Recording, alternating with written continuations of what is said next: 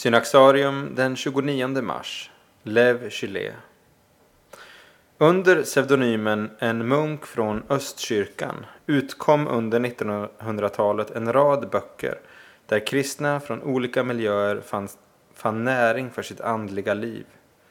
Bakom böckerna dolde sig Lev Chile, en pilgrim som förkroppsligade kyrkans enhet och evangeliets gränsöverskridande kärlek.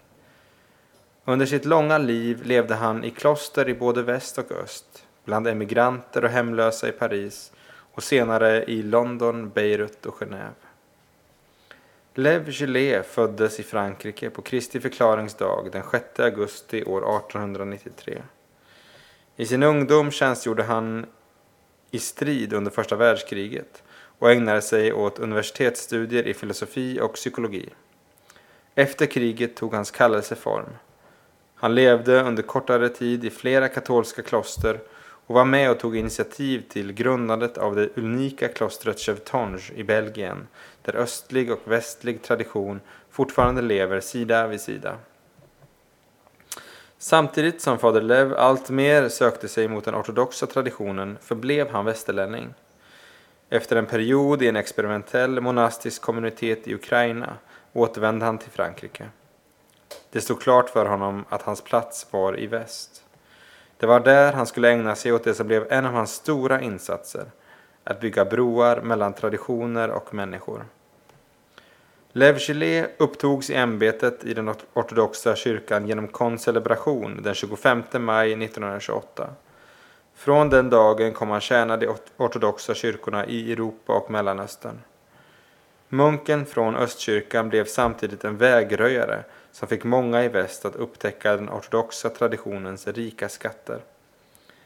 Han verkade som resande predikant, retreatledare, andlig fader och själasörjare åt biskopar, präster och klosterfolk.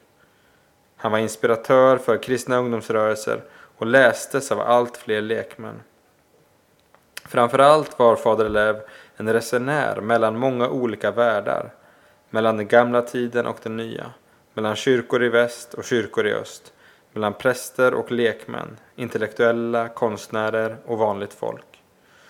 Men främst mellan en sekulariserad, ofta gudlös värld och den verklighet som är Guds och hans rike. En verklighet som han själv var bärare av på en mystikers vis.